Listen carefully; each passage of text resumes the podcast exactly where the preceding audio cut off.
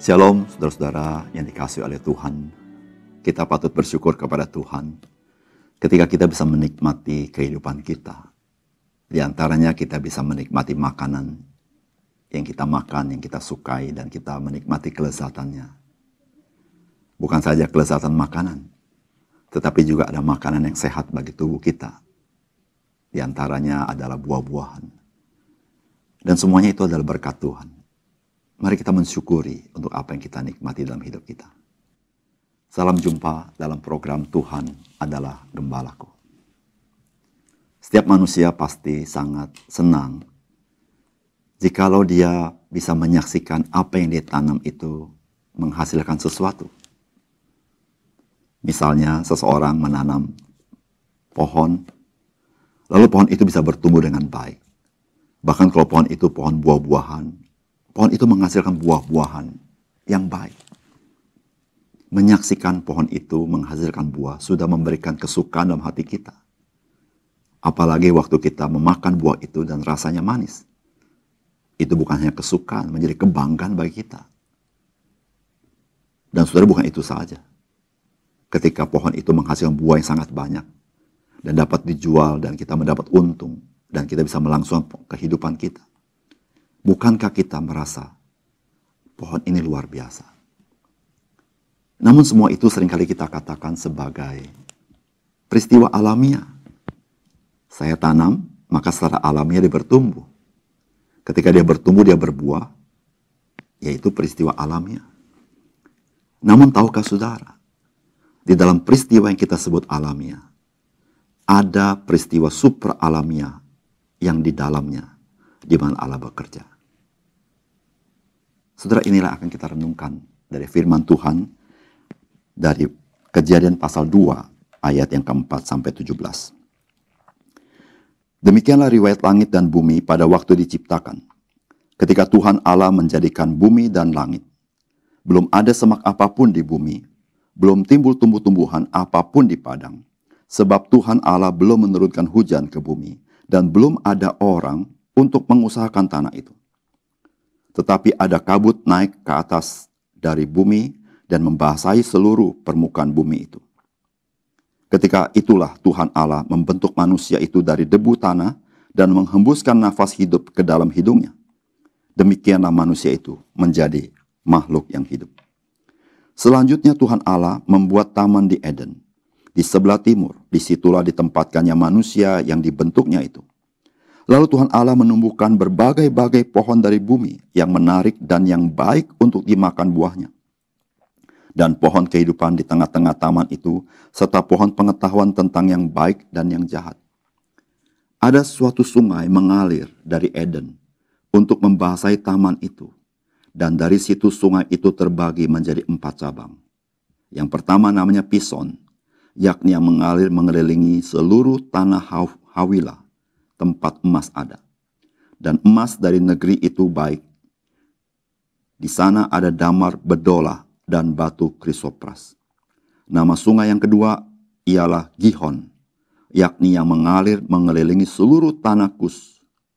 Nama sungai ketiga ialah Tigris, yakni yang mengalir di sebelah timur Asyur, dan sungai yang keempat ialah Efrat.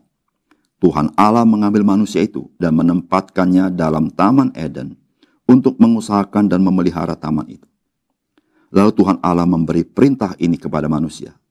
Semua pohon dalam taman ini boleh kau makan buahnya dengan bebas.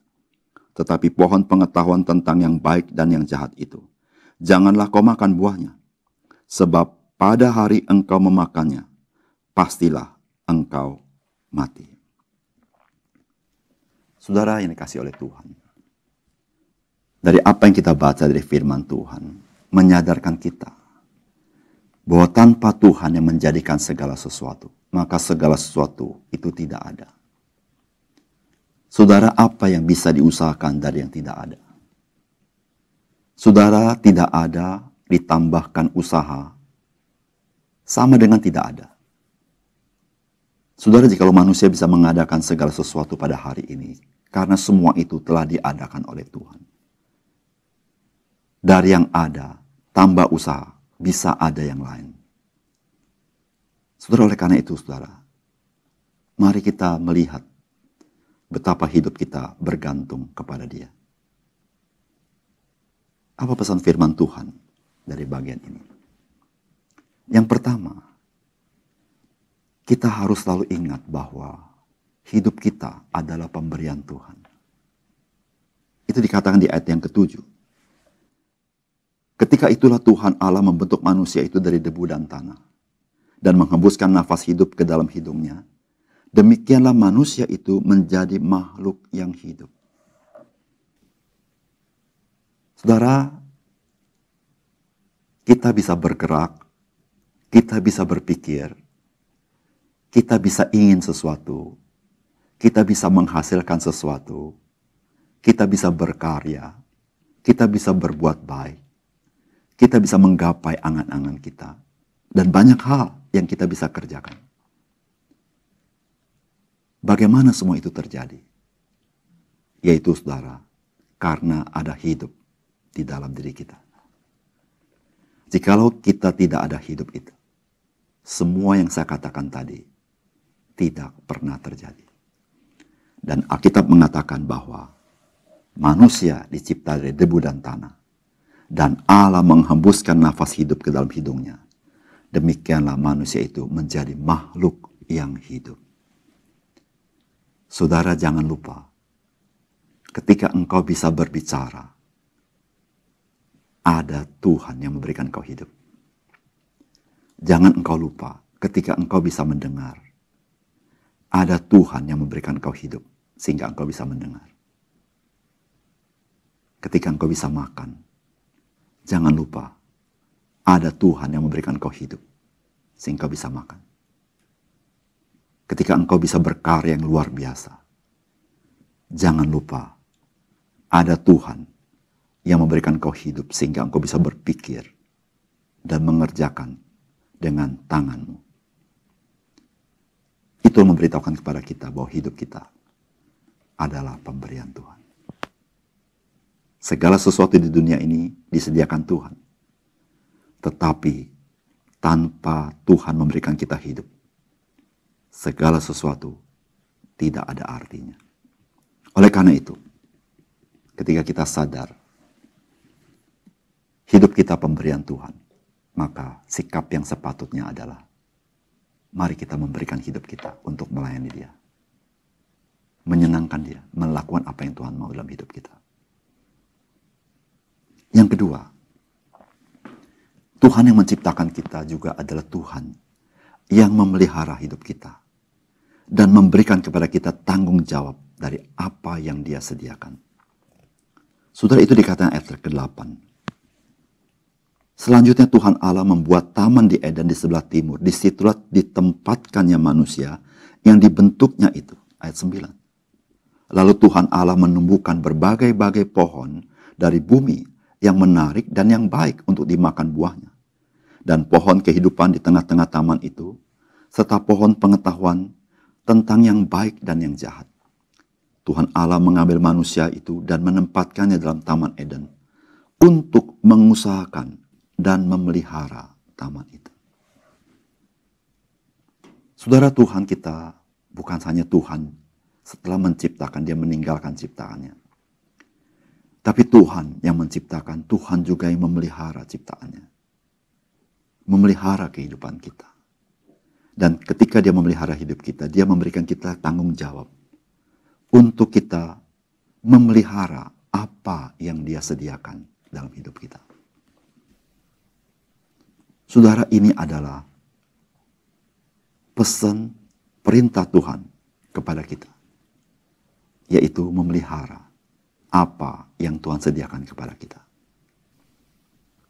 Saudara memelihara bukan hal yang gampang. Namun memelihara adalah perkara yang sangat penting.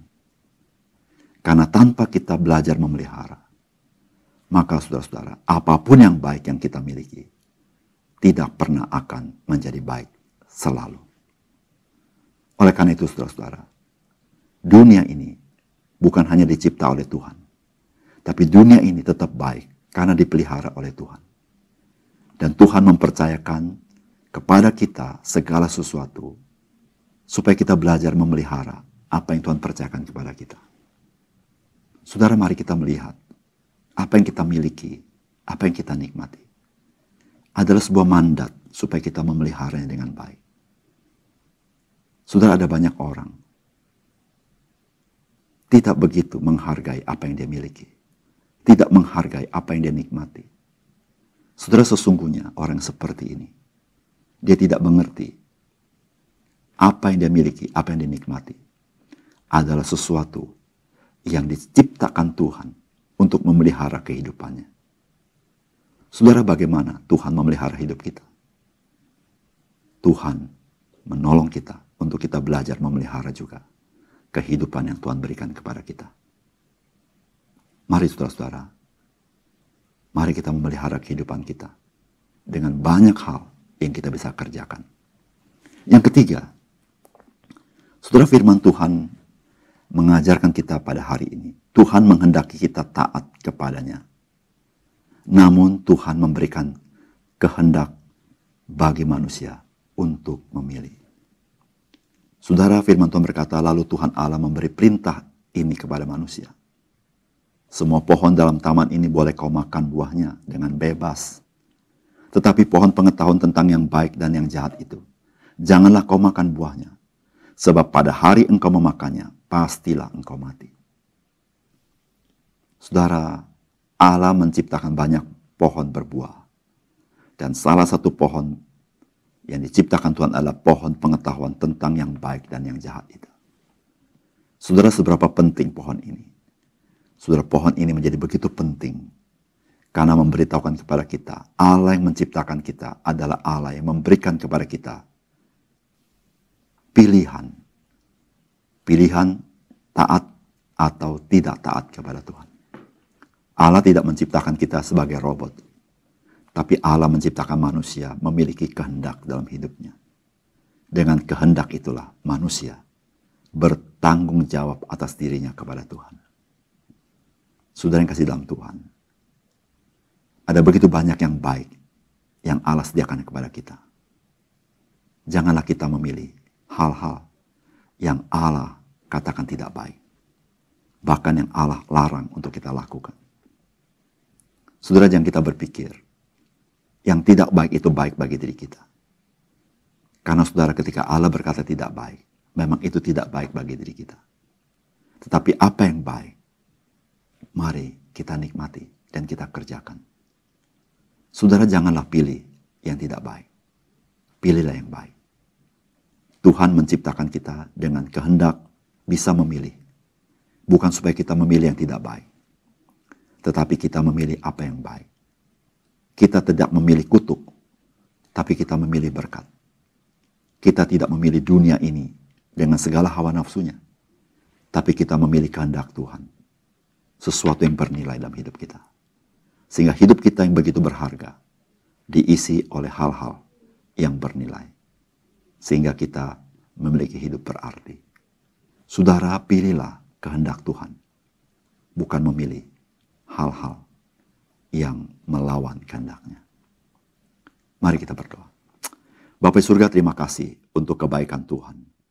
Sehingga mata kami celik bagaimana Tuhan kami mengerti bahwa apa yang kami nikmati sesungguhnya ada karya Tuhan di dalamnya. Dan kami berterima kasih Tuhan yang mencipta, Tuhan yang memelihara ciptaanmu. Bahkan Tuhan mempercayakan itu supaya kami memeliharanya. Di situlah Tuhan, kami tahu ya Tuhan. Bahwa kami adalah orang-orang yang dipercaya Tuhan untuk memelihara ciptaanmu. Berdasarkan pertolongan Tuhan. Ajar kami menghargai apa yang Tuhan berikan kepada kami. Dengan memelihara dengan baik. Dengan aspek-aspek yang ada. Dan kami sungguh ya Tuhan bersyukur Tuhan memberikan kami kehendak. Sehingga kami tidak terpaksa melakukan apa yang Tuhan mau. Tapi kami tahu ya Tuhan, apa yang Tuhan mau itu yang terbaik dalam hidup kami. Tuhan bantu kami. Supaya kami boleh menjadi orang-orang yang bijaksana. Melakukan kehendak Tuhan dalam hidup kami. Di dalam nama Tuhan Yesus kami berdoa. Amin.